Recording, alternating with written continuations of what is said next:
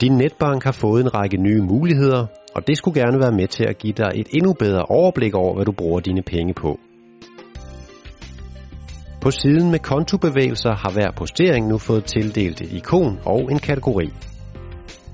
Hvis en postering ikke har fået tildelt en kategori, kan du selv klikke ind og vælge den rigtige. Det er også muligt at ændre kategorien på en postering, hvis den ikke er korrekt. Du kan også dele en postering. Hvis dit indkøb i Lidl på 395 kroner dækker over både madvarer og elektronik, kan du dele beløbet ud på flere kategorier. Inddelingen i kategorier er med til at give dig et bedre overblik over, hvad du bruger dine penge på.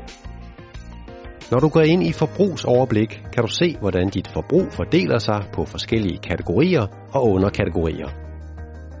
Du kan selv vælge, hvilke konti og hvilken periode du vil have et forbrugsoverblik over. Du kan også vælge, at overførsler mellem egne konti ikke skal indgå i dit samlede forbrugsoverblik. Kontobevægelser med kategorier samt forbrugsoverblikket er kun synligt for dig selv. Det er altså ikke noget, din bankrådgiver kan se. En anden ny funktion, der har været efterspurgt, er muligheden for selv at skifte kontonummer på en eksisterende betalingsserviceaftale.